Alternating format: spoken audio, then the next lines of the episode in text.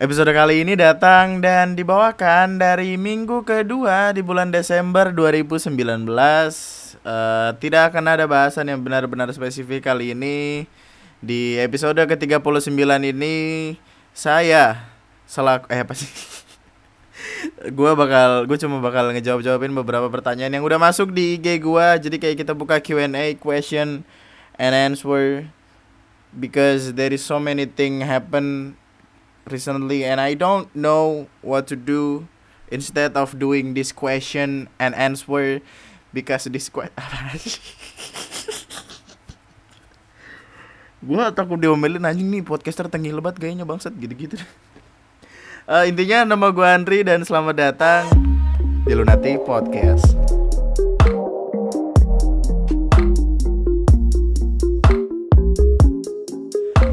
Halo salam jenazah, kembali lagi bersama gue Andri di sebuah podcast yang akan menemani hidup lu selama beberapa menit ke depan karena eh karena berjudi itu harap apa sih?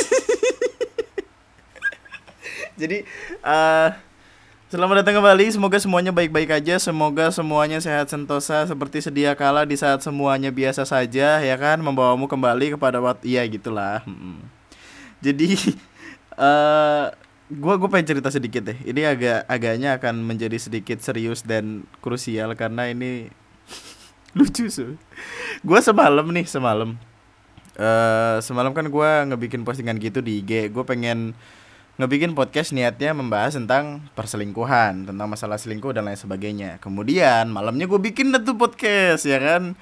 Dari malam tuh, dari jam berapa? Jam 10, 11, 12 sampai gue tidur subuh jam setengah lima itu nggak jadi-jadi tuh podcast tuh karena satu dan lain alasan. Pertama kayak uh, gua terkesan terlalu sotoy. Gua menyadari itu dan itu tidak baik untuk ada di sebuah podcast ya. Uh -uh. Kedua, bahasan itu agaknya akan menjadi sensitif buat gua karena kayak nggak nggak segampang itu untuk gua bahas karena ada satu satu dan lain alasan di balik itu. Ketiga, karena gua goblok aja, pengen apa-apa terlalu perfeksionis jadi kayak sosok sok-sok eh, mantep padahal tidak gitu. Jadi akhirnya setelah berkutat dengan waktu dan kesibukan yang luar biasa akhirnya kayak yaudahlah ini nanti aja podcast yang membahas tentang perselingkuhan nanti aja uh, mungkin nanti bakal gue bahas di di episode setelah setelahnya itu bareng bareng podcaster juga gitu. Biar kayak sudut pandangnya ada dua. Biar nggak gue doang gitulah. Biar nggak kesannya tuh gue nggak memanfaatkan keadaan. Karena itu bahasannya serius sumpah parah banget. Jadi kayak kacau habis lah. Uh, mungkin nantinya gue bakal ngebahas ini sama suara puan mungkin. Nanti bakal gue chat orangnya. Suara puan jika lo anda mendengarkan podcast ini tolong tolong balas dm saya. Uh, uh, nanti saya akan membawakan cindera mata berupa aduh fuck belum ketemu lucunya lagi harusnya tadi gak usah nembak jok gitu ya harusnya tadi pelan pelan aja jadi ntar intinya nanti gue bakal ngebahas tentang masalah perselingkuhan bareng suara puan. Stay tune aja, siap-siap aja. Dan mohon menunggu, mohon uh, untuk sekiranya menunggu. Ya, terima kasih. Lalu uh, biar biar gue awali podcast ini dengan memberitahu apa saja yang sudah terjadi pada atau dalam hidup saya selama seminggu ke belakang. Jadi uh, minggu ini bener-bener hektik parah bener-bener kayak ada deadline ini dan itu jadi kayak nggak nggak bener-bener bisa diselesaikan dalam waktu singkat makanya podcast pun jadi kesannya kayak terburu-buru kemarin tuh gue kan bikin Q&A dari jam eh enggak dari hari Jumat malah dari hari Jumat malam gitu. Tapi gue baru sempet nge-record malam dan malam pun gagal karena ya tadi itu alasan tadi itu. Akhirnya kayak ya udahlah ini kita bikin sesi Q&A aja. Minggu-minggu ini tuh kayak rasanya capek gitu. Gua tuh setiap bangun tidur tuh tangan gua pegel pegel linu ya kan? Ternyata gue tidur sambil angkat barbel. Ya Allah. Itu jok udah tiga kali keluar. Lu kalau dengerin gue record semalam itu udah tiap kali gue record itu keluar. Jok sampah begitu doang aja sampai butuh effort buat ngeluarin ya berak. Eh tangan gue pegel habis bangun tidur. Oh ini barber lu copot dulu kalau mau tidur. Oh iya bang. Maaf bang. Gitu uh, tadi oh ya gini. Tadi kan gue habis belanja bulanan gitu di Giant kan untuk melihat harga-harga yang semena-mena banget itu. Uh, eh, gue lucunya tadi waktu mau bayar kan eh waktu habis bayar. Jadi kayak si kasirnya ini kurang kembalian gitu kayak 200 atau berapa. Pokoknya nggak punya 200an mungkin kata dia. Tau gak yang dikasih apa? Bukan permen bukan minta disumbangin tapi ngasih gue plastik Maksud gue adalah ngapain gue beli plastik ke Giant Ngapain gue butuh plastik dari Giant buat apa Apakah nantinya plastik itu bisa gue besarkan seperti anak sendiri kan tidak Tidak dong tidak mungkin plastik itu nantinya akan bekerja menjadi pegawai negeri sipil, kemudian punya gaji pensiunan yang tinggi. Enggak mungkin dong. Tidak mungkin itu plastik saya butuhkan. Tapi karena diliatin orang udah gue ambil gue pulang. Gak penting banget itu sumpah, gak penting banget. Kenapa jadi tiba-tiba dikasih plastik anjing? Kenapa dia nggak ngasih gue yang lebih bermanfaat gitu kayak kata-kata mutiara gitu kan? Mas, Mas ini sudah menghabiskan uang cukup banyak. Baiknya Mas itu mulai sekarang berlatih untuk bisa pergi ke Dufa. Aduh ya Allah, belum ketemu lucunya. Kurang, kurang, kurang, kurang. Umur emang makin susah dibohongi, Pak. Sekarang tuh gue apa-apa gampang ngeblank gampang lupa. Dulu tuh waktu masih masih episode-episode awal dah 3 4 5 itu gue ngelempar jok tuh di tengah-tengah kayak ada duar gitu di ujung kena ada joknya gitu lucu sekarang tidak tidak tidak uh, jadi jadi marilah kita membacakan beberapa pertanyaan yang mungkin lu sebagai pendengar gue penasaran dari dulu makanya gue bikin yang namanya Q&A Q&A itu adalah question and answer sebuah tanya jawab ya oke okay. Pertanyaan pertama saja sudah bangsat ya. Pendengar saya memang bangsat-bangsat ya. Uh, ada yang bertanya, rumah pla rumah tah, rumah Pak Slamet di mana ya? Nih, lu buka kulkas di sampingnya terong ada tuh. Ada batu baru gue lempar kepala lu, ya gila lu. uh, selain di line biasanya nulis di platform mana aja Kang Mas? Gua tuh selain di line sempet yang namanya nulis di blog jadi ada ada dua blog yang waktu itu gue pakai buat nulis lunatictwister.blogspot.com kacamatandri.blogspot.com kacamata ndri itulah. Cuma gue sadar kalau uh, eh, gue nggak punya konsistensi berlebih dalam hal memindahkan tulisan gue dari line ke blog. Jadi kayak ya udah semuanya gue taruh di line aja. Makanya buat siapa pun lo yang mau uh, ngelihat postingan gua, gua sarankan ada cara yang sangat amat gampang. Lu yang punya line, lu download line, uh, terus lu bikin postingan aja gitu, hashtag aksara selepas senja. Lu post, nih lu post, jadiin postingan, terus lu klik hashtag yang tadi, yang tadi lu post, nah itu ada tuh banyak tulisan-tulisan gua tuh. Kalau enggak lu cari tulisan gua satu, lu ke profile gua, nanti di timeline gua ada tulisan-tulisan dah tuh, lumayan buat lo yang gabut-gabut dan tidak punya pekerjaan dan menganggur dan miskin seperti kita buat mengisi waktu luang. Jadi kayak sambil nunggu pekerjaan datang gitu. Yang mana itu tidak akan datang kalau lu nunggu doang, tapi kayak ya udahlah buat ngisi waktu luang nggak apa-apa. Pertahankan. uh, bang, gua takut nikah. Banyak cewek yang ngajak nikah. banyak cewek yang ngajak nikah tapi gue takut gimana supaya nggak takut ganteng banget lo emang anjing. Coba gue lihat ah siapa sih ini orang berak? Banget pertanyaannya juga eh susah nyari cewek tuh susah lu kayak jangan sok-sok cewek ngajak nikah. Berak lu. Meskipun begitu saya dulu pernah diajakin taruh Karena tak kenal maka taruh Gimana supaya nggak takut? Pernikahan itu dasarnya adalah untuk menenangkan. Ketika lu takut akan pernikahan bagaimana mungkin lu bisa tenang? E, caranya adalah tidak takut adalah temukan seseorang yang dengan adanya dia lu nggak bakal takut menjalani hidup dan dunia dan apa pun dalam isinya. Kayak uh, dia tuh tipikal orang yang kalau ada dia lu tenang aja bawaannya. Cari orang yang kayak gitu. Nanti ketika udah waktunya lu nikah lu nggak bakal takut deh. Kayak emang dia udah soulmate lu aja gitu apa yang menjadi milikmu tidak akan menjadi milik orang lain. Jadi tetaplah semangat, tetaplah berjuang, tetaplah cari orang yang paling cocok buat lu dan semoga lu menemukan apa-apa yang lu cari. Amin.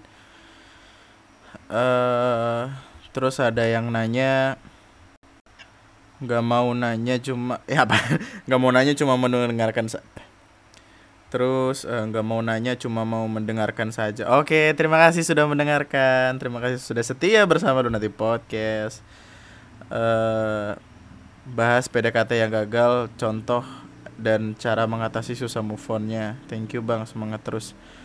Mungkin, oh iya, mungkin nanti episode selanjutnya bakal gue bahas tentang PDKT yang gagal. Oke sip, cara yang bagus. Dan move on. Oke, jadi episode selanjutnya nanti episode 40 adalah episode tentang PDKT yang gagal, kemudian episode 41 adalah tentang cara move on. Gitu ya. Siap, mantap. Nanti ada akan ada Ara yang mencatatkan itu untuk kita semua ya. Siap. Kapan upload tentang selingkuh? Nanti ya. Nanti record dulu ulang. Dia tadi udah cerita ada. Nggak ada rencana collab sama broadcast. Oh iya, Fro Union Podcast ya. Ya, mungkin nanti kalau ada yang DM, mungkin saya berminat dan saya mau. Pertanyaan selanjutnya itu dia nanya apa pemicu utama sebuah perselingkuhan pada umumnya. Ini kebetulan ada yang bertanya, jadi materi semalam ada yang kepake. uh, jadi ini sempat sempat gue jadikan bahasan semalam meskipun tidak jadi. Uh, terlepas dari faktor-faktor eksternal seperti masalah keluarga, agama, teman, sahabat, jarak, waktu, dan lain sebagainya, Menurut gue pribadi, pemicu utama sebuah perselingkuhan adalah ketidaksukaan atau tidak lagi merasa cukup atau merasa nyaman akan personality pasangan atau sexuality pasangan. Jadi untuk perkara personality biasanya itu kayak kita merasa kalau dia itu udah bukan lagi sosok yang kita cari. Kayak dia itu bukan lagi orang yang uh, nyaman untuk kita datengin, untuk kita jadikan tempat pulang dan lain sebagainya. Kemudian di ruang lingkup yang sama tiba-tiba kita ketemu orang yang personalitinya lebih bagus cuma uh, salahnya adalah masih ada dalam hubungan tapi lupa atau tidak berniat untuk memutuskan hubungan sebelumnya sebelum akhirnya pindah ke hubungan yang baru. Jadi kayak masalah personality yang udah nggak nyaman tapi mungkin takut untuk putus atau takut untuk uh, ngambil keputusan jadi mereka milih kayak yang yaudah gue keep dulu yang lama terus gue nyoba-nyoba yang baru. Jadi nanti kalau misalkan yang baru lebih asik yaudah gue jadi nama yang baru gitu. Ada beberapa orang yang kayak gitu dan itu sebenarnya sebuah hal yang salah untuk dilakukan. Uh, rata-rata. Gue gua aduh gue juga nggak bisa mukul rata sih. Tapi eh, gue mikirnya kayak argumen gue datang dari sebuah pelajaran. Ada beberapa orang yang uh, selingkuh karena permasalahan sexuality. Jadi kayak dia ngerasa pacarnya itu udah udah nggak menarik lagi gitu. Pacarnya itu tidak tidak besar itunya masa depannya maksudnya tidak tidak tidak enak gitu. Maksudnya masakannya apa sih? Ade ade tidur. Jangan mendengarkan ini ade. Eh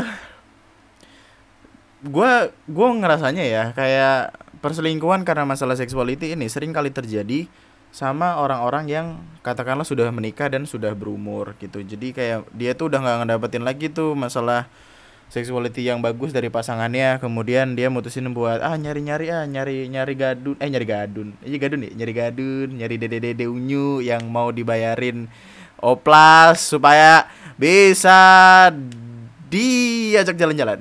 Hmm, naik pesawat. Uh, dan ya gitu. Kasus perselingkuhan biasanya tuh uh, terjadi karena dua itu masalah personality yang mereka sudah tidak nyaman dan masalah sexuality yang mereka sudah tidak nyaman juga. Tapi seharusnya ya mereka punya pilihan untuk tidak selingkuh. Maksudnya adalah ya lu putusin aja dulu yang lama. Kalau emang udah nggak nyaman atau udah yakin lu nggak bakal bisa bareng-bareng kemudian lu jadian lagi sama orang yang baru. Uh, mungkin lu bakal dicap kayak lu mainin perasaan orang atau lu lu dicap kayak lu brengsek gitu-gitu. Padahal ya tidak selamanya tidak selamanya perlakuan itu datang karena keinginan keinginan maksudnya kayak keinginan untuk pengen selingkuh atau keinginan buat nyari pacar baru gitu. Biasanya itu juga datang dari ketidaknyamanan mereka akan pasangan. Terus ada yang nanya kan bang cara mutusin pacar perselingkuhan gimana? Ah taruh taruh Tadi dulu tadi gue nih mau bridging ke sebuah hal lain nih tapi kenapa dia tiba bang cara mutusin pacar plus selingkuhan gimana? Lu gila lu bro. Lu gila lu bro. Lu pulang ya pulang.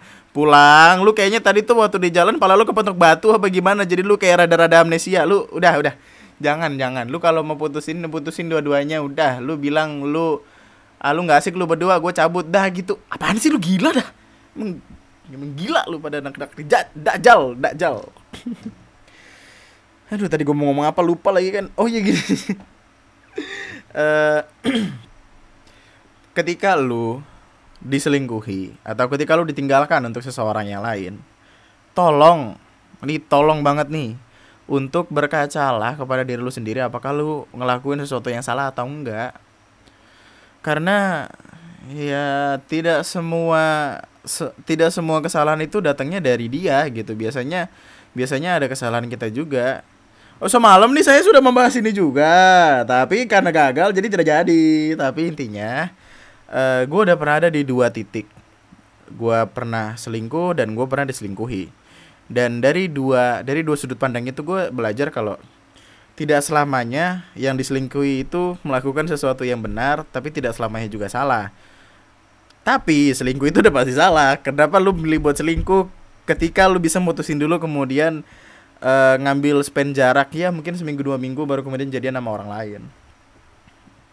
Intinya kalau misalkan lu ngerasa pasangan lu ngegaet orang lain ya coba pertanyakan dulu ke diri lu sendiri kira-kira lu salah apa. Kalau lu sadar dan yakin lu nggak salah apa-apa ya berarti emang dia brengsek emang dia berak emang dia tuh tidak pernah makan bangku pendidikan.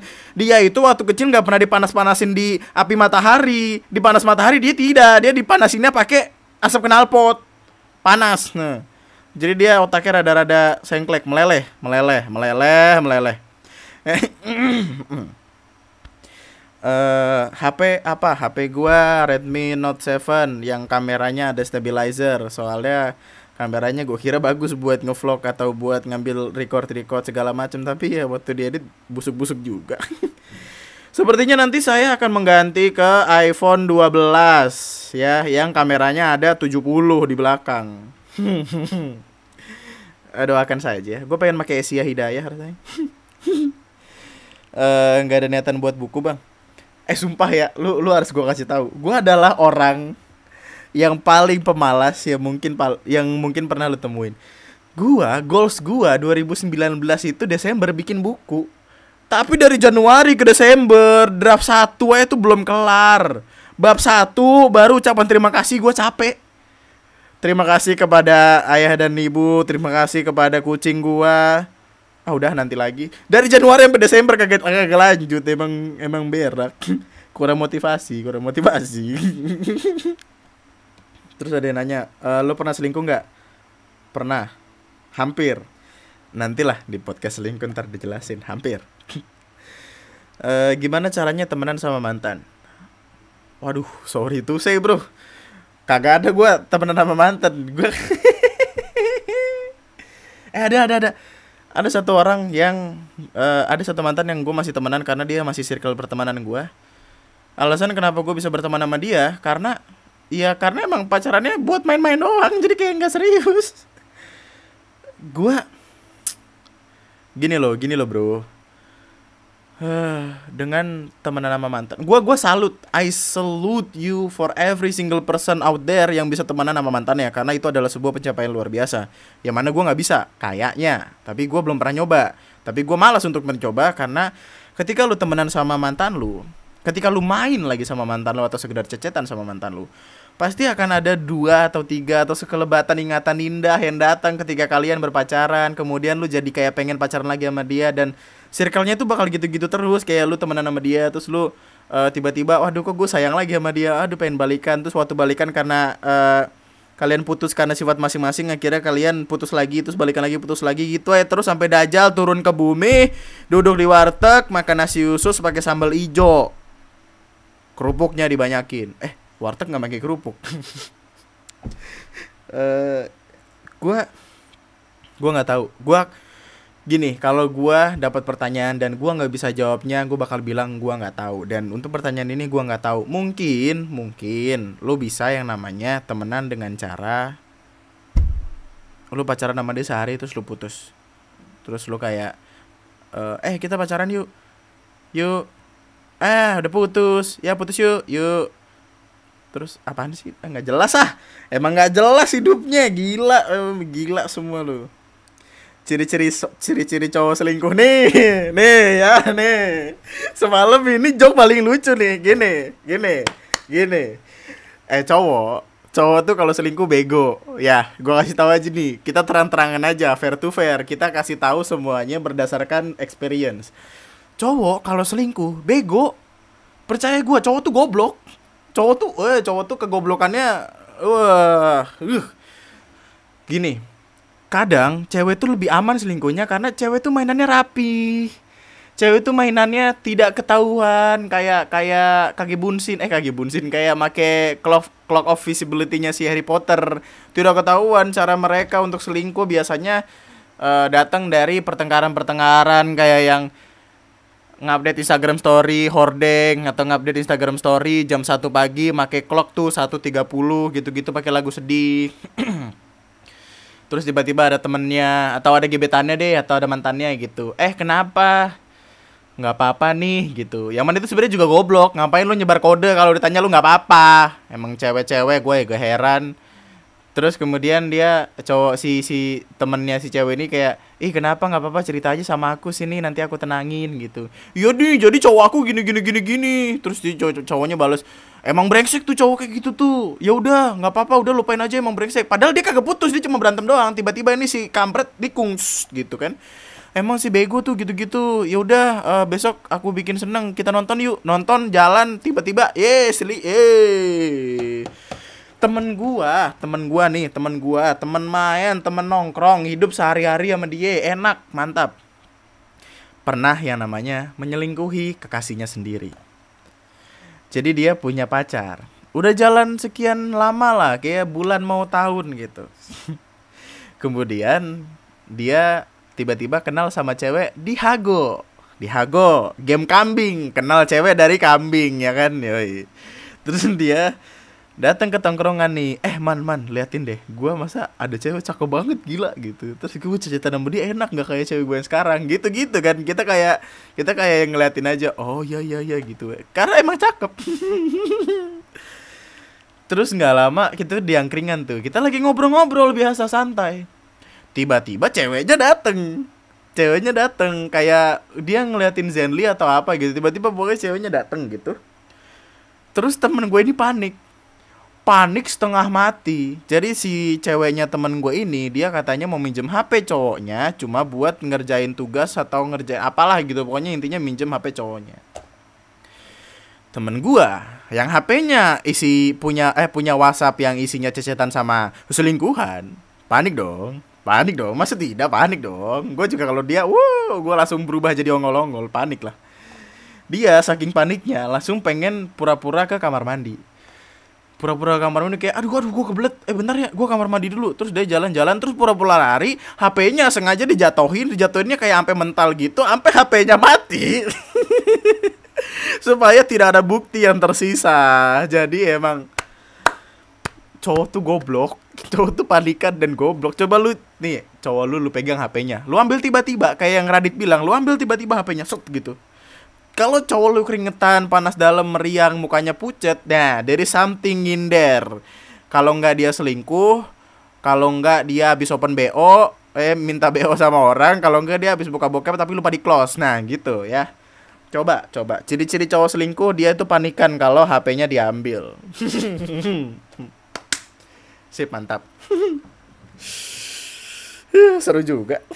Padahal baru berapa pertanyaan. Panjang nih Uh, Bang Andri kapan meet and greet? Oh iya nanti gini ceritanya.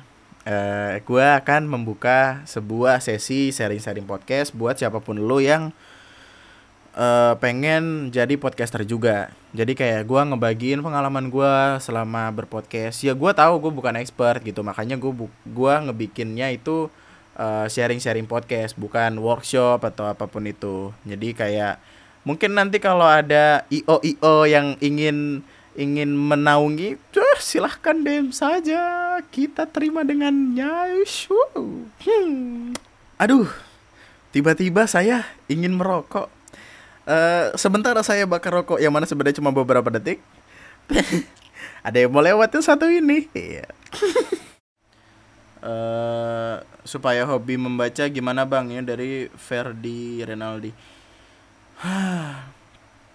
Gini, ketika kita ingin yang namanya mencoba sesuatu yang baru atau ingin yang namanya uh, ngerasain sensasi dari karya-karya baru uh, mulailah dari uh, menciptakan emotional value sama orang yang kita sukai. Kayak contohnya gini deh.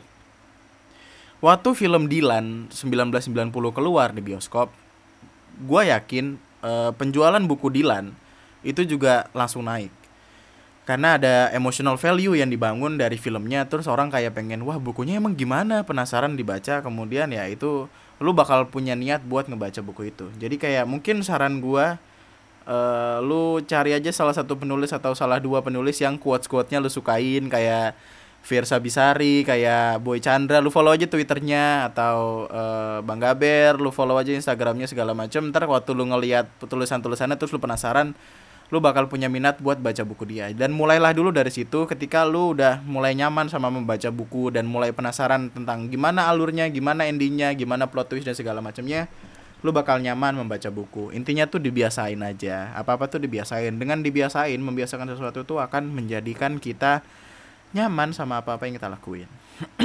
Sip. Uh, terus dari Mister KDX KDX kenapa bisa punya hobi misuin sesuatu? Gua adalah orang yang suka bacot. Gue berisik orangnya. Bahkan ini satu hal yang lu belum tahu. Gua uh, biasanya sebelum memulai podcast gua gue bakal ngata-ngatain orang di jalan. Siapa pun itu.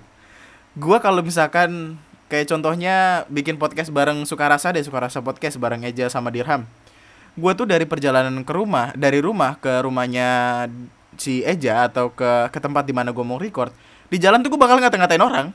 Supaya mood gue kebangun supaya gue enak dan supaya gue uh, jadi nyaman. Jadi hobi gue misuin sesuatu datang dari apa-apa yang sebenarnya adalah uh, ritual sebelum gue ngelakuin sesuatu. Kayak gue nulis sebelum gue nulis gue ngata-ngatain orang dulu. Ya buat kesenangan gue pribadi aja meskipun itu itu emang kesannya jelek tapi uh, kayak ritual aja gitu buat gue jadi gue lebih bisa nyaman dan bisa fresh gitu. Uh, bikin podcast bikin video di YouTube gitu. Gue bakal kayak duduk di pinggir jalan terus ngelihat orang. Anjing nih orang berisik banget klakson klakson padahal mobilnya belum lunas bangsat gitu. Terus eh ini terong-terongan goblok make mo apa naik motor bertiga nggak make helm. Lu itu otak kagak ada isinya sampai kagak ada yang perlu dijagain gitu. Gitu loh pokoknya seru aja gitu untuk membangun mood dan untuk dan akhirnya bertumbuh menjadi sesuatu yang emang gue senangi untuk kata-katain orang. Uh, misuin sesuatu tuh sebenarnya semuanya dimulai ketika gue hadir dalam bentuk video di YouTube. Awal terbentuknya TNM mungkin ini juga nanti akan gue jawab kalau misalkan gue bikin Q&A di TNM uh, eh, awal awal gue ngebikin TNM YouTube channel adalah karena gue punya banyak temen dan waktu itu gue punya banyak informasi yang gue nggak tahu kenapa kayak gue seneng banget baca-baca berita atau informasi dari tweet dan segala macamnya. Terus kalau misalkan temen gue tiba-tiba ada yang nanya eh ini apaan ya? Lu tau nggak? Oh gue udah bahas tuh di YouTube gue lu tonton aja gitu. Oh oke siap mantap gitu. Jadi kayak gue awalnya membentuk channel YouTube gue itu supaya gue nggak perlu repot-repot menjelaskan berkali-kali apa yang sebenarnya terjadi maksudnya apa yang gue tahu dan sebenarnya terjadi gitu itu itu gue pengen ngasih tahu ke teman-teman gue dan akhirnya itu keterusan-keterusan karena saya akhirnya bisa hidup dari sana kalau tidak saya akan jadi karyawan swasta Kenapa orang pakai jam di tangan kiri? Kalau di tangan kanan nanti Aduh, belum ketemu lucunya lagi apa ya? Kenapa orang pakai jam di tangan kiri? Kenapa orang pakai jam tangan di kiri? Karena eh karena berjudi itu har masih itu dong. Ya Allah tadi udah perasaan. Ya bodo amat nggak tau lah itu suka-suka mereka lah. Ah. Oh enggak enggak gini. Kan orang biasanya banyak yang naik motor kan. Dulu di zaman penjajahan Belanda belum ada mobil dong.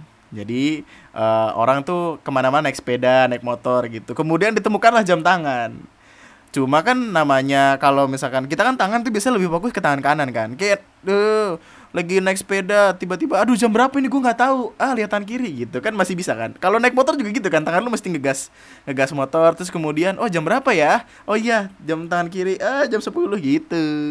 Jadi semua jam itu tercipta setelah motor nah selalu tahu. Bodoh amat aja aduh Bang, kenapa cowok ngeliatin gua mulu tapi diliatin balik malah ngelengos? Sering banget begitu. Di di oh sering banget sering begitu dia tuh. Kenapa cowok ngeliatin gua mulu? Eh, nggak uh, tahu kayaknya jilbab lu kebalik apa gimana? Gua nggak tahu. Eh nggak tahu gua nggak paham nggak paham.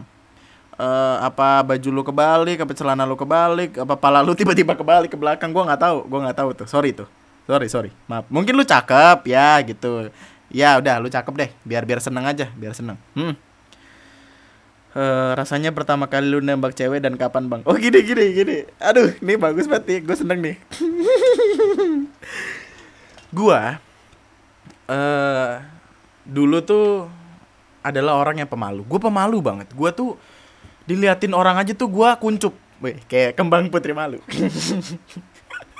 gue tuh orangnya pemalu banget. Dan pertama kali gue nembak cewek itu pakai HP, pakai HP, pakai HP kayak SMS, SMS, pakai SMS Asia tuh waktu itu. Kemudian masuk SMK gue baru mulai memberanikan diri buat nembak langsung. Waktu itu gue di parkiran. Di parkiran nih parkiran sekolah pulang sekolah kelas 1 kelas 1 SMK gue nembak ada cewek namanya Isti. Udah udah nggak tahu lah gue ke mana bentukannya udah kayak apa gue lupa lah pokoknya nggak asik nggak asik ada cewek namanya Isti. Gue nembak di parkiran nih. Uh, Isti gue sayang lu. Uh, tangan gue tangan gue kayak kayak orang kayak orang merinding merinding malu malu gitu lah. Mau nggak jadi pacar gua? Gitu gitulah gitu. Terus dia jawabnya lama tuh jawabnya lama banget. Kayak dia mikir-mikir dulu ngedongak ya kan.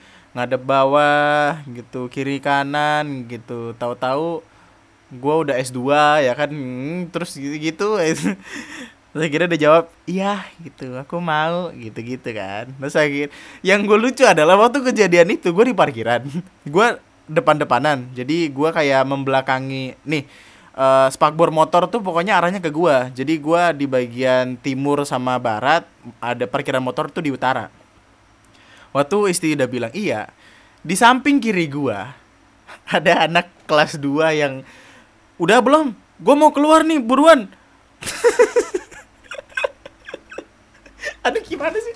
Pendekatannya kurang padahal itu lucu maksud. Jadi gue nembak. Aku sayang kamu. Mau nggak jadi pacar aku? Mau gitu. Terus tiba-tiba di belakang ada yang narik motor dari belakang. Udah belum? Ini gue mau keluar gitu. Ya kurang. Ya udah nggak apa-apa lah. Harusnya kena cuman ya. Namanya juga hidup. Kadang di bawah kadang di bawah banget ya.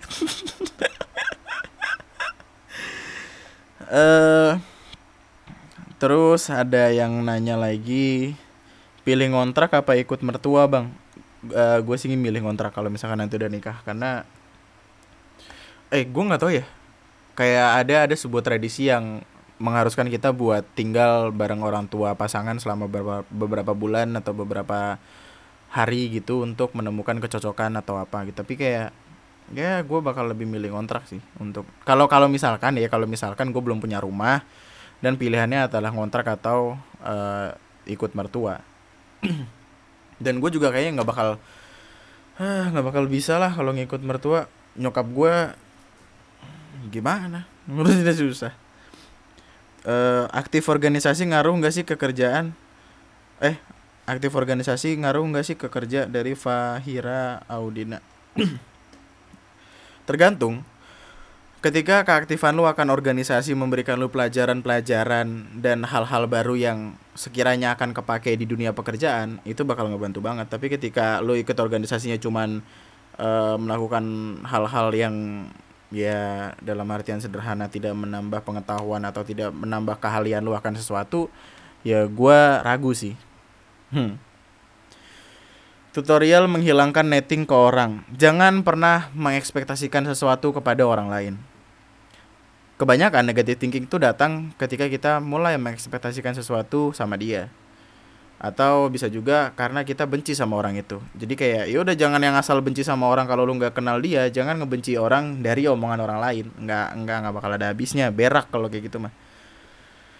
Uh, kenapa es sama batu dijadiin satu? Kenapa nggak dipisah ya allah. Kadang orang tuh punya masalah apa sih sama hidupnya? Gue tuh kadang suka heran. Kadang gue tuh rasanya pengen nyekokin mereka pakai cabe pakai koyo koyo cabe lu jejelin gue jejelin di mulut lu kenapa es sama batu nggak dipisah? Jadinya batu es. Apaan sih? Emang gak lucu aja lu ar ar arastal nggak nggak nggak nggak nggak temen kita Kenapa di lagu balonku balon yang meletus hijau duluan? Di mana gue tahu? Emang gue bapak lu? Emang gue yang bikin lagu? Kenapa di lagu balonku balon yang meletus hijau duluan? Nggak tahu, hijau ansos kali. Waduh.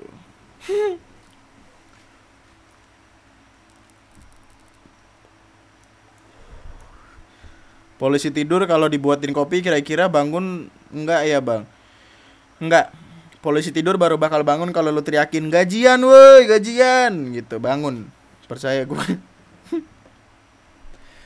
Uh, Bang, gue cemburuan terus tapi gue sayang tapi gue juga risih dicemburin terus gue harus gimana aduh cemburu itu adalah sebuah hal yang bagus dalam hubungan. Oke kita bisa amin itu bersama karena ketika pasangan lu nggak cemburu sama apa-apa yang lo lakuin uh, artinya kayak lu bisa mempertanyakan apakah dia sayang sama lu atau enggak kan cemburu tanda sayang kan? Cuma ketika sesuatunya berubah menjadi berlebihan itu yang nggak boleh. Lu minum kopi aja sehari 100 gelas deh Weh, meninggal lu. Gimana kalau cemburu berlebihan? Cemburu berlebihan tuh cuma bakal ngalangin langkahnya dia cuma bakal apa ngalangin langkahnya pacar jadi kayak lu kasih tahu aja ke pacar lu jangan cemburuan banget gua nggak bakal ke mana-mana gua tuh sayangnya malu doang Enggak sih, gue sayang sama mak gue, bapak gue, adik gue, kakek gue, nenek gue, keluarga gue intinya. Jadi kayak lu setelah keluarga gue. Tapi ya jangan cemburuan banget. Gue emang gue apaan sih dicemburuin? Iya gue pacar. Apaan sih? Kenapa apaan sih? Nggak jelas banget hidupnya. Omongin baik-baik. Komunikasi yang lancar adalah jembatan menuju kesuksesan dalam sebuah hubungan. Sip.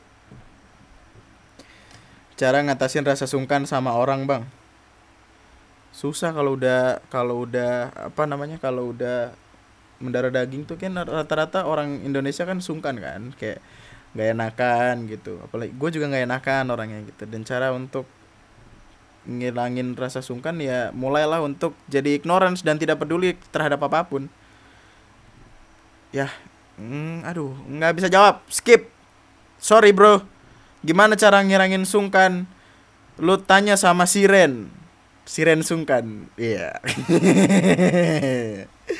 Menurut lo enakan FWB atau ONS? Ya FWB lah, FWB masih bisa lanjut, ONS cuma sekali. Tapi Jangan bego, jangan yang udah pacar-pacaran terus lu ngerasain jadi FWB FWB-an lagi. Gila lu, gila. Gak usah sosok mau jadi FWB FWB-an dah lu. Otak lu emang ketika kita terbiasa melakukan sesuatu, nanti akan tiba masanya di mana kita akan kembali lagi melakukan hal itu. Takut nanti lu waktu lagi waktu lagi pacaran atau lagi udah pengen serius sama orang tiba-tiba lu keinget FWB jangan lah. Tapi anak FWB, iya, iya. kan dia nanya ini kenapa gue ditunjuk-tunjuk? Eh gue bentar lagi mati nih. Enakan FWB atau WNS sih FWB gitu. Terus dari RNH GNH masih temenan sama mantan yang pernah selingkuhin kita menurut Bang Andri gimana? Salah atau ber... ya kalau emang temenannya dia ngertiin kondisi kita dan tidak berharap banyak dari itu ya nggak apa-apa. Kita juga butuh dukungan teman yang suportif kan? Selama dengan keberadaan dia kita tidak terganggu ya kenapa harus dipermasalahkan hmm. kenapa kepiting jalannya miring Enggak, kemarin gua lihat kepiting jalannya ke depan. Wah, taunya dia miring ke samping.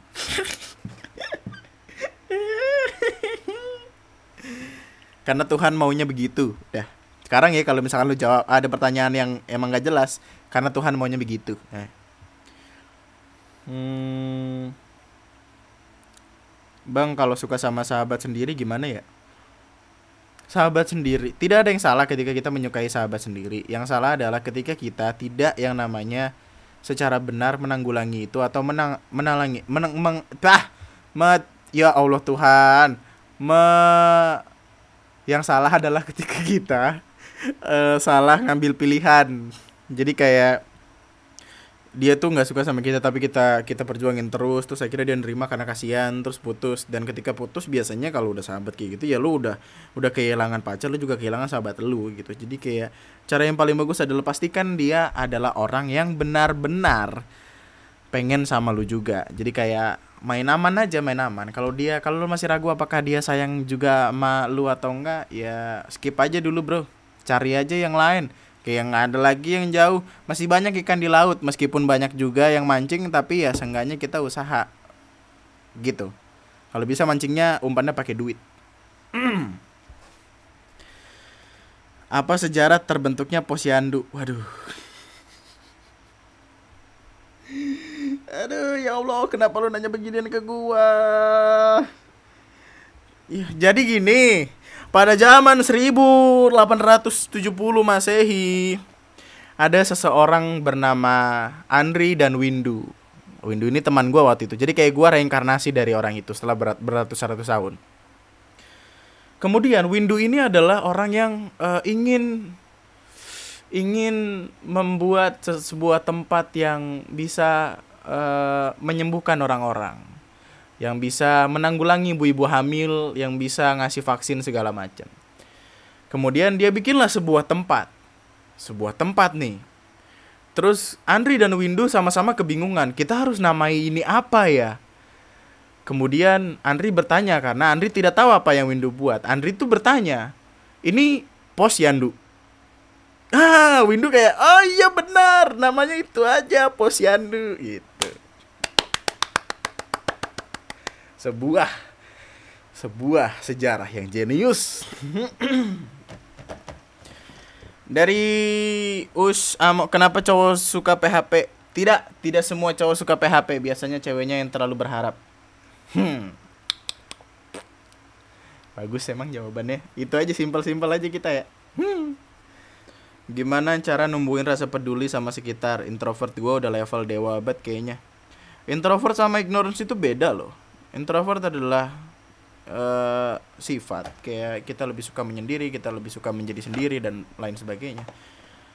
Ignorance cara-cara untuk supaya tidak ignorance adalah dengan studi banding sih menurut gue uh, gini kita nggak bakal bisa paham gimana rasanya jadi eh gimana rasanya jadi seseorang ketika kita belum pernah ada di titik yang sama kayak orang itu dan waktu itu yang gue lakukan adalah gue sempet yang namanya uh, sama teman-teman gue turun ke kayak kampung-kampung gitu buat paham kayak hidupnya mereka kayak gimana sih gitu. Sampai sampai rumahnya waktu itu ada yang rumahnya cuman uh, kayu gitu terus atapnya tuh make apa ya apa sih namanya tuh?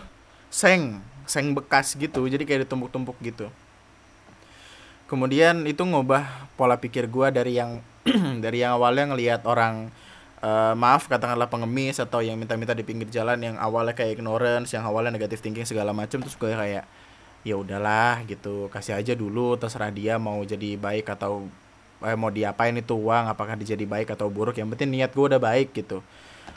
Tapi ya gue pilih-pilih juga apakah ini orang bener bener atau enggak. Tapi ya gitulah intinya ada untuk kita lebih peduli sama sekeliling cobalah untuk turun dan ikut merasakan apa-apa yang dia lakuin apa-apa yang orang lain lakuin.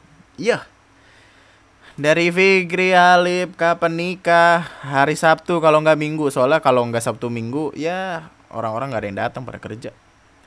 Bang makan bang? Ay minum kopi. Enak. Bang pernah malu-maluin diri sendiri karena sial nggak bang? Hah? Malu-maluin diri sendiri karena sial? Gua nih nih nih nih ini adalah salah satu hal yang agaknya belum pernah gue ceritakan mungkin ke siapa pun. Semua orang. Dan mungkin cewek gue juga baru pertama kali dengar. Jadi gue pernah yang namanya jatuh dari motor. Jatuh dari motor gara-gara di celana gue ada kecoa dan ngegremet-gremet ke daleman gua. Itu kurang sial apa lagi? Dan FYI itu pulang sekolah. Jadi kalau misalkan si kecoa brengsek itu udah di celana dari dalam eh dari di dalam celana gua dari gua berangkat sekolah. Artinya selama 6 jam gua bersekolah ini si brengsek di dalam celana dong. Iya dong tidak mungkin tidak dong. Karena gue baru sadar kalau di gini gini gue kan pagi mandi. Biasanya celana celana gue itu gue taruh di kamar mandi supaya waktu habis keluar kamar mandi itu celana langsung gue pakai udah. Mungkin waktu di kamar mandi itu kecoa tuh udah ada dalam celana. Jadi selama gue sekolah belajar itu kecoa ngerumet tuh di dalam dalam celana kayak ngumpet. Kayak dia bingung aduh gue gimana ini ada ular lagi di sini kan? Dan gue ngejatuhin diri karena gue rasa ada ada ini ada kayak tangan masuk ke celana. Nyilu dong. Nyilu nyilu nyilu. Ngegremet gremet gitu kan. Merinding merinding merinding disco. Akhirnya gue ya udahlah. Itu kan kurang sial apa lagi? Kesialan duniawi. Akhirnya gue jatuhin diri bodoh amat gue malu malu dah tuh. Dan rame. Rame akhirnya gue jatuh gue jatuh gue pura-pura pingsan. Gue pura-pura pingsan. Dibawa balik lagi ke sekolah tapi nggak nyampe nggak nyampe kelas cuman nyampe pos. Pos. Nah di pos itu nggak kebetulan nggak ada orang. Gue ngebuka celana gue gue korek-korek tuh pakai tangan. Kecoa gede masih hidup masih hidup di celana gue terus ya udah gue buang tuh kecoa terus gue pulang dengan rasa malu yang luar biasa rasa malu yang sampai sekarang melekat dalam diri, dalam hidup ini. Anjing gimana rasanya sih? Coba lu bayangin ada kecoa gede. Ih. Ya itulah. Bang pernah malu-maluin diri sendiri karena sial nggak bang? Pernah. Lupakan, lupakan. Habis itu lupakan. Bang, apa yang bakal lo lakuin kalau ortu lu yang selingkuh terus lu jadi korbannya? Hah? Gimana maksudnya gimana? Bang, apa yang bakal lo lakuin kalau ortu lo yang selingkuh terus lo jadi korbannya? Korbannya maksudnya adalah kayak ortu gue selingkuh sama cewek gue atau ortu gue selingkuh terus gue jadi kena beban. Mari kita phone a friend. Halo. Jadi selama ini saya jualan boraks ya. Enggak tahu gue ngapa mah. Nanti ulang lagi. Nanti gue bakal bikin kuenya lagi lu tanya ulang yang jelas. Eh uh, ini nih dari Kanuval. Lu bahagia nggak bang? Ini adalah salah satu pertanyaan paling ajaib. Kalau kalau dibilang bahagia atau enggak, gue bakal bilang gue bahagia dengan apa pun yang sekarang gue miliki. Tapi apakah gue sangat uh, enggak enggak? Tapi apakah Tapi apakah ini puncak dari semuanya? Gue bakal bilang belum. Gue bakal bahagia sama apa pun hidup gue. Karena bahagia itu kita yang pilih, kita yang ciptakan, bukan yang semesta berikan. Bang, gimana caranya menghadapi orang yang merendahkan dan meremehkan kita? Usaha yang kuat, kerja keras, pantang mundur, konsisten dan lu beli mulut dia, lu bayar mulut dia dan lu bikin dia malu akan perkataan dia sendiri yang bilang kalau kita ini rendah di mata dia. Gua pernah punya mantan yang brengsek. Dia waktu udah putus sama gua, kami tuh kayak masih cacetan berantem. Kemudian uh, ada bahasan tentang mobil terus gue kayak gue kayak uh, uh, bercanda-bercanda gitu. Ntar ntar kalau main ntar juga gue kebeli mobil gitu. Terus dia ngebales chat itu dengan kalimat uh, ya nggak mungkin lah lu kan nggak mampu. Uh.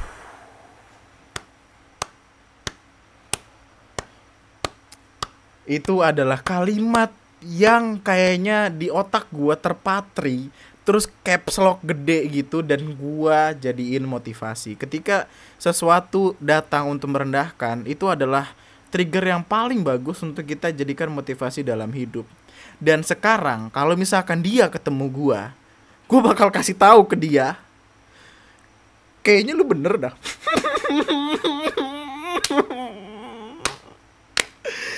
Enggak, enggak maksudnya kayaknya lu bener gue nggak mampu beli mobil, gue mampunya beli helikopter, gue beli bandara, gue beli pulau, gue beli pulau, mantap, mantap. Gue nggak cuma beli mobil, tapi gue beli mobil terbang. He, gitu dong. Ah, gimana sih? Itu yang merendahkan kita tuh injek-injek aja, pakai hasil yang kita usahakan. Huh, bang, ada rencana bahas yang Garuda-Garuda itu nggak? Karena kalau bukan Tiana menjelasin masih nggak paham. What? Tidak berani menyentuh-menyentuh hal-hal yang berhubungan sama orang kaya. Karena seperti yang kita tahu, orang kaya bisa melakukan hampir apa pun. Tiba-tiba gue bangun tidur, ada... Iya gitu lah. Jangan. Tiba-tiba ada tukang cilok lewat Kijang, Kijang masuk Kijang, Kijang Innova masuk Kijang Innova, taunya bener ada Kijang Innova masuk ke rumah gue ditabrakin kan tidak lucu dong, tidak lucu dong. Jadi kayak ya udahlah. Hmm. Zona aman atau zona nyaman? Zona nyaman. Tapi senyaman nyamannya sebuah zona, kita tetap harus berjuang dalam sana. Ketika kita aman, kita nggak nyaman dan kenyamanan itu harus kita utamakan untuk kita cari. Sip. Adakah alasan selingkuh yang bisa diterima akal sehat? Enggak, selingkuh itu tidak diperbolehkan. Selingkuh itu intinya salah, udah. Enggak enggak ada yang di, bisa diterima akal sehat. Enggak, selingkuh itu adalah hal yang salah untuk dilakukan. Ikan kalau tidur merem apa kagak? Enggak. Eh, ikan itu bisa tidur sambil enggak merem, sambil melek. Maksudnya sambil enggak merem aja kenapa sih ribet banget? Hah, podcast bareng Kara lagi. Ih. Ara stres bacain komen diomelin stres dia stres dia stres ngelihat orang-orang cewek-cewek pada marah-marah Aduh. Ara apa kabar? Gue kangen dia tapi nggak kangen lu. Emang berak lu, emang bajingan lu. Ya nggak apa-apa sih, ya udahlah. Ara lagi stres. Aduh, ya Allah. Bang, gimana cara menghadapi sikap temen yang iri sama hubungan asmara kita? Jadi gini, saya punya teman, teman sepermainan, enggak. Saya punya teman dan teman saya ini bener-bener pengen pasangannya tuh kayak uh, kayak kayak cewek gue gitu lah. Maksudnya kayak dia pengen hubungan percintaannya kayak hubungan gue. Tapi tolong tekenin ke dia kalau setiap individu itu punya sifat masing-masing, punya sikap masing-masing dan punya caranya sendiri-sendiri untuk melanjutkan sebuah hubungan.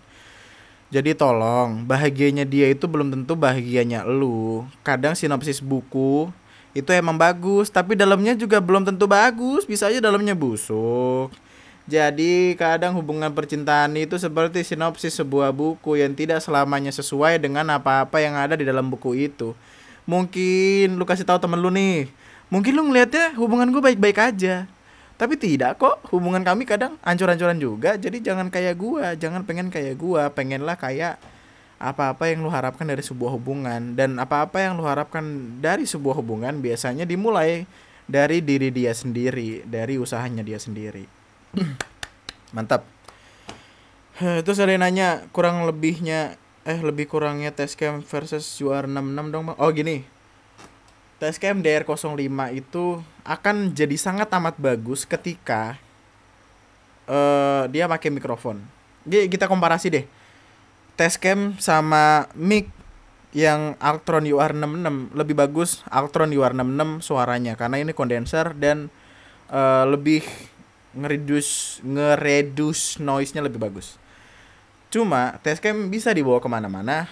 Uh, UR66 susah karena gede, solid, kabelnya panjang, ribet lah. Tapi perkara sensitivitas juga kalau tanpa mikrofon eksternal atau mikrofon tambahan di Testcam, Testcam lebih sensitif. Jadi kayak mau bikin ASMR atau mau bikin recording kayak suara burung-burung, suara air itu lebih bagus Testcam. Untuk si UR66 dia kayak ya mungkin bagus buat recording musik atau podcast gitu-gitu lah tapi kalau misalkan gue disuruh milih Tascam atau UR66 gue bakal lebih milih ini UR66 Altron UR66 uh, cara move on terbaik. Selalu ingat buruk-buruknya mantan. Pasti berhasil aduh gue tiba-tiba inget mantan. Kok apakah gue sayang lagi sama dia ya? Terus lu inget-inget aja wah si anjing waktu itu pernah minjem duit gue dua ratus ribu tapi nggak dibalikin sampai sekarang. Bangsat.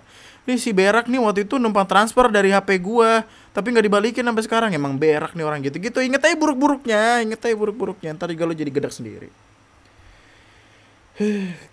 Ketika selingkuh yang lo bagi itu uang waktu atau apa? Segalanya. Pasti segalanya Cara menangani teman yang depresi. Waduh. Gua dari awal podcast gue dibikin, gue nggak pernah berani menyentuh yang namanya sesuatu yang berbau depresi. Video YouTube TNM gue bahkan nggak berani buat nyentuh itu karena perihal depresi, perihal masalah-masalah yang ada kaitannya sama hal-hal depresif itu tidak boleh asal dibicarakan oleh sembarangan orang, harus dengan profesional karena masalah kesehatan mental itu bukanlah sesuatu yang sepele. Tapi jujur-jujuran kalau kalau dibilang apakah lu peduli sama kesehatan mental, gue peduli. Kalau misalkan ada yang nanya ke gue, apakah benar semua orang itu yang kelihatannya punya masalah sama mental illness adalah benar? Benar atau enggak? Gue gue bakal jawab enggak. Kayaknya banyak orang di luar sana yang uh, mengucapkan atau bilang kalau dirinya itu depresi cuma buat mencari atensi, cuma buat nyari perhatian orang. Dan itu sama sekali tidak dibenarkan karena itu jatuhnya bakal ngebikin kita skeptis sama orang yang punya mental illness beneran. Jadi gue sama sekali nggak berani buat ngebahas itu. Tapi mungkin jawaban yang paling uh, paling diplomatis dari pertanyaan ini adalah tolong temani dia tolong biarkan dia bercerita dan tolong jangan menggurui dia jangan penuh kesotoyan ngedengerinnya dan tolong untuk tetap mendengarkan dia cerita. Jadilah teman yang baik jadilah tempat pulang yang baik. Ya. Yeah. apa itu kesetiaan bang? Gue bisa menyederhanakan kesetiaan itu artinya adalah mau ke mana pun kita pergi mau sejauh apa pun kita ngelangkah kita bakal pulang ke dia dia juga. Itu yang dinamakan setia sesederhana itu. Jadi kayak itu udah mencakup semuanya itu. Lu ngelihat cewek yang lebih cakep lebih gede lebih mapan lebih gede lebih mapan lu bakal kayak inget wah pacar gue juga itu mantep kok jadi pacar gue gue setia mantap. Ah diplomatis diplomatis.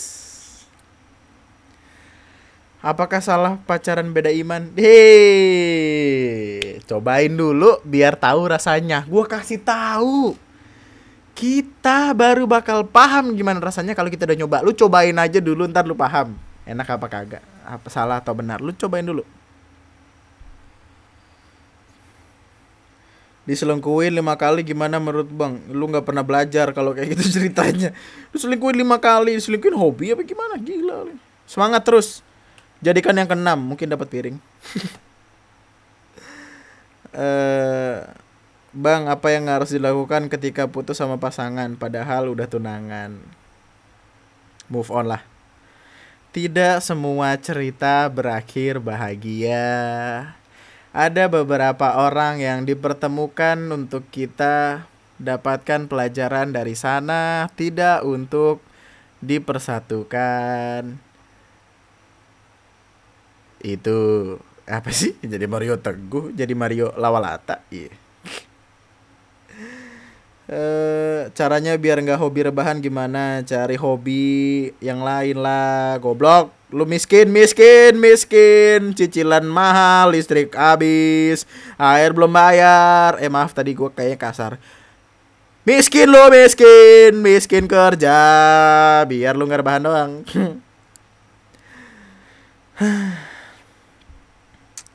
Banyak sekali, gue bingung. Kapan adain merch? Oi!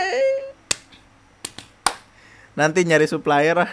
Gue juga bingung desain desainnya gimana. Nanti nanti sabar sabar sabar sabar. Kenapa cewek sekarang lebih senang sama pacaran sama bad boy? Karena menurut mereka mungkin itu lebih menantang. Lebih cowok yang rebel tuh buat sebagian orang tuh kayak lebih menantang untuk dicintai. Mungkin tapi percaya sama gue at the end of the day pada akhirnya di akhir cerita wanita-wanita akan lebih memilih lelaki yang bisa menjaga dia, bisa ngebimbing dia, bisa yang namanya ngangkat pinggang pakai lidah. Oh enggak maksud gua bisa menemani dia sampai kapan pun dan gimana pun. Jadi ya untuk pacaran mungkin mereka suka yang rebel, tapi gue yakin percaya gua nantinya yang yang mereka pilih adalah orang yang bener-bener cocok sama mereka. Mungkin mereka lagi pengennya doang atau gimana. Ya nggak tau lah Ciming isi tiji si Miki limit ini si bijak hirif i ya. Hmm, mampus lu. Apa tuh tadi itu? Bang mau jadi veteran nggak? Enggak. Veteran itu kayak Momonosuke-nya One Piece nggak mau. uh, seketika lo pada nyari nih One Piece Momonosuke. Ah, Momonosuke, Momonosuke. Gimana caranya ngebuat podcast berkembang konsisten, cari orang-orang terdekat dulu mulai dari orang-orang terdekat buat pendengar nyaman dan apa ya ya kayaknya konsisten deh konsisten konsisten disertai dengan panjat. Panjat panjat aja bang. Lu minta collab aja ajak siapa gitu? Aduh gua nggak tahu sumpah. Nantinya mungkin gua akan temukan jawabannya lebih bagus dan akan gue pakai di sharing-sharing podcast bersama Lunatic Podcast. Yeay, sampai jumpa tahun 2020 nanti. Uh, nama mic yang bisa pindah-pindah suaranya itu apaan, Bang? Ya, mic-mic mahal. uh, Aduh, gimana ya? Pokoknya mic-mic yang ada modenya, yang ada polar pattern, namanya polar pattern. Jadi uh, ini tuh mode solo. Bentar-bentar jadi dia itu ada yang stereo sama uh, uh, mana ya? Mana sih? Nih nih nih nih. Nih kalau lu misalkan lu dengerin di sini ini dari kanan ini dari kiri. Ini dari kanan ini dari kiri.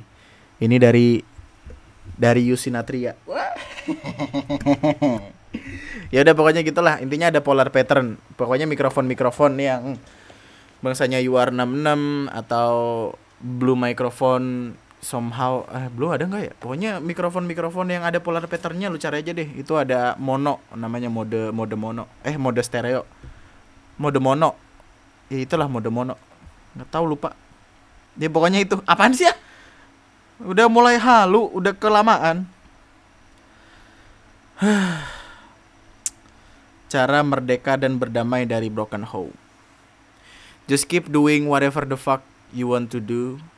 Pastiin apa-apa yang lo lakuin bisa ngebikin lo tenang mungkin untuk beberapa saat atau mungkin untuk selamanya. Karena percaya gua seperti uh, hari-hari buruk lainnya seperti minggu-minggu buruk lainnya seperti kata Chris ya bad day pasti berlalu.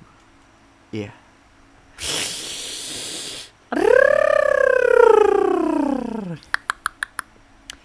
Udah makan belum? Udah, tadi barusan makan pakai apel. Bowo, tau gak? Bowo apel libel.